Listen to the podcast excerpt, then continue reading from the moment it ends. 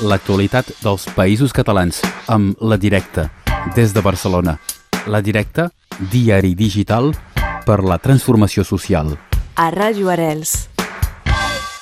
Entrem en comunicació amb Esther Fallos. Bon dia, Esther. Bon dia. Des del digital La Directa, però avui parlem de la versió paper, el número 556. Has estat tu l'encarregada del, del tema principal, el tema de portada, pantalles de classe, és a dir, el procés de digitalització de, de l'educació. Sí, obrim l'edició número 556 de La Directa amb un reportatge sobre el procés de digitalització de l'educació a l'estat espanyol. Parlem de com llegants de les telecomunicacions com Google, Microsoft, Telefònica, Vodafone, Orange o fins i tot Amazon i també empreses dels sectors energètics i, i de les finances estan encapçalant els intents de digitalització del sistema educatiu que principalment s'han accelerat arran de, de la pandèmia. Aleshores, el primer reportatge de la secció a fons del, del paper es titula Google i Microsoft creen escola en aquest parlem amb una gran diversitat de veus crítiques, tant famílies com professorat, experts i activistes en defensa dels drets digitals, que ens destaquen un poc els perills d'aquest procés de digitalització educativa accelerada. No? Denuncien mm, principalment que està suposant un avanç de la privatització de l'educació i també s'està greujant les diferències de classes entre l'alumnat. Aleshores, mm, una miqueta analitzem com arran de la pandèmia eh, la Unió Europea i els seus estats membres han injectat mm, ingents quantitats de diners per a comprar nous dispositius per digitalitzar le, les aules i també per repartir-los entre l'alumnat més vulnerable. No?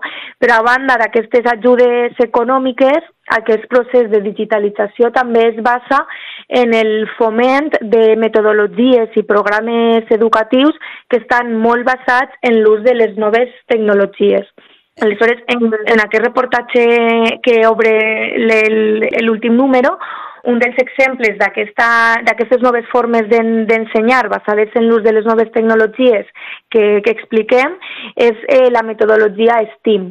La metodologia STEAM és un acrònim provinent de les inicials en anglès de ciència, tecnologia, enginyeria, art i matemàtiques i en teoria no, aquesta filosofia el que diu és que mm, pretén enfocar l'aprenentatge d'una manera transversal integrant les cinc disciplines i fomentar mm, el pensament crític i el treball cooperatiu. Però realment el que denuncien alguns professors és que a la pràctica aquesta metodologia, molt impulsada també des de la Unió Europea, s'està entenent pues, mm, com la compra de robots, com compra d'impressores 3D, el treballar amb, amb tauletes, el treballar amb portàtils o també ensenyar o eh, centrar-se molt en l'educació de la robòtica i la programació. Per tant, aquest procés de, de, de digitalització basat pues, en aquesta compra de, de materials amb, amb les ajudes econòmiques de la Unió Europea i també en aquestes noves formes d'ensenyar, de, és el que està sent qüestionant per, per famílies, professors, sindicats, que realment no estan en contra de, de l'ús de les noves tecnologies per ensenyar, però denuncien que no s'està duent a terme un procés de reflexió crítica, pausada, per analitzar els pros i els contres d'aquesta digitalització. No? I suposo que més enllà del era millor abans, tot això, és de, fins i tot fomentar una, una dependència que molt, eh, molts nens ja de molt joves eh, són exposats a, a, a tot tipus de, de pantalles i si a l'escola també només veuen pantalles acaba sent problemàtic. Clar, de fet és, una de, és un dels contres que les famílies comenten, no? perquè destaquen realment que no hi ha cap evidència sòlida que un major ús de la tecnologia en l'aula comporte millors resultats.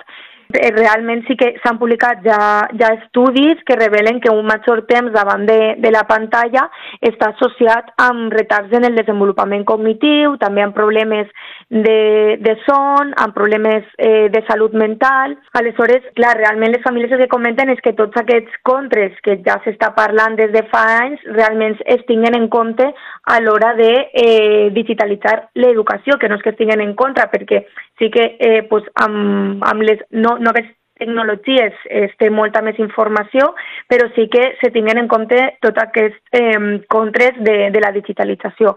I no només el que has comentat dels efectes no? que té el, el passar més temps davant d'una pantalla, sinó també el, el perill, el que comenten és que pot augmentar també la bretxa social entre l'alumnat, la, perquè el que, el que comenten és que la bretxa social no només es fa front amb el repartiment d'ordinadors o tauletes entre l'alumnat més vulnerable, sinó que també s'han de tindre en compte altres qüestions, com per exemple les, eh, els coneixements tecnològics de l'alumne i de la família. No tots els alumnes ni tots els pares i mares tenen els mateixos coneixements tecnològics, per tant l'acompanyament que, que puguen fer a, al seu fill des de la família també serà diferent o també pues, tenint en compte la situació socioeconòmica de, de la família de l'alumnat. Aleshores, realment, eh, aquest tipus d'ensenyament de, basat en l'ús de les noves tecnologies també eh, s'està presentant el discurs no, que, que s'està venent, és que és una forma de fer front també a la bretxa digital i de més,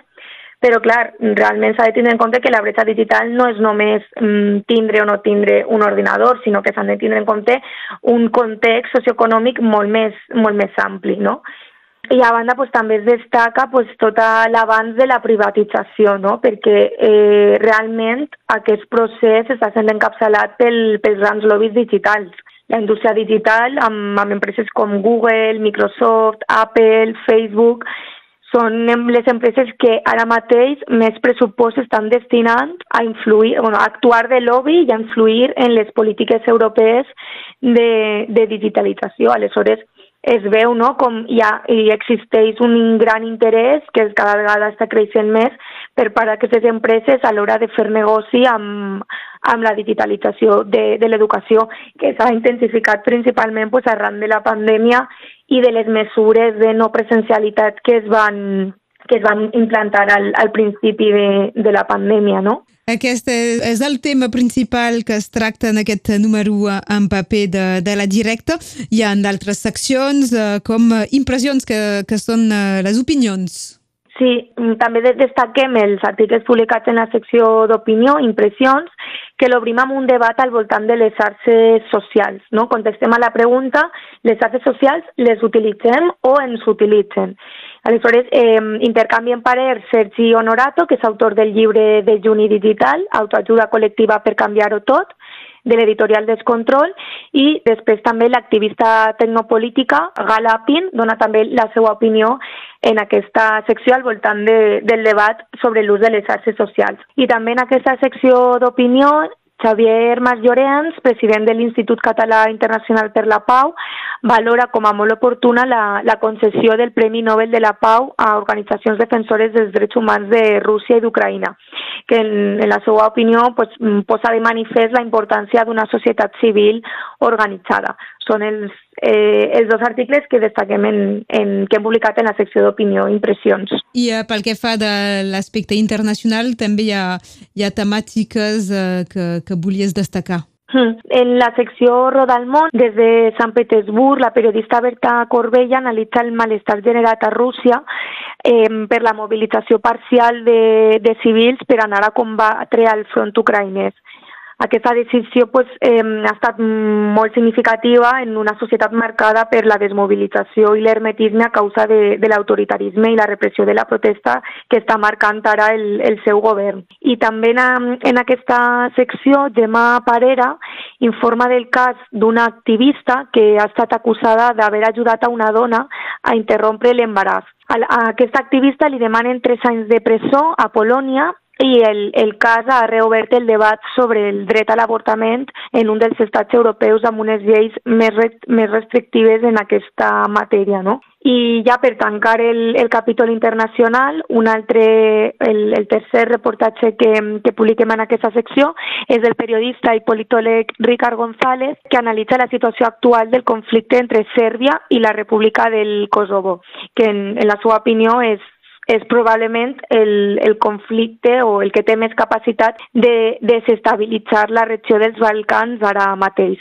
aquestes temàtiques i moltes altres a, a trobar més àmpliament encara al número 556 de la revista de la Directa i recordem també que sempre hi ha la web directa.cat. Esther Fallos, moltes gràcies. Moltes gràcies a vosaltres. Que vagi molt bé. Adeu, bon dia. Adeu, bon dia.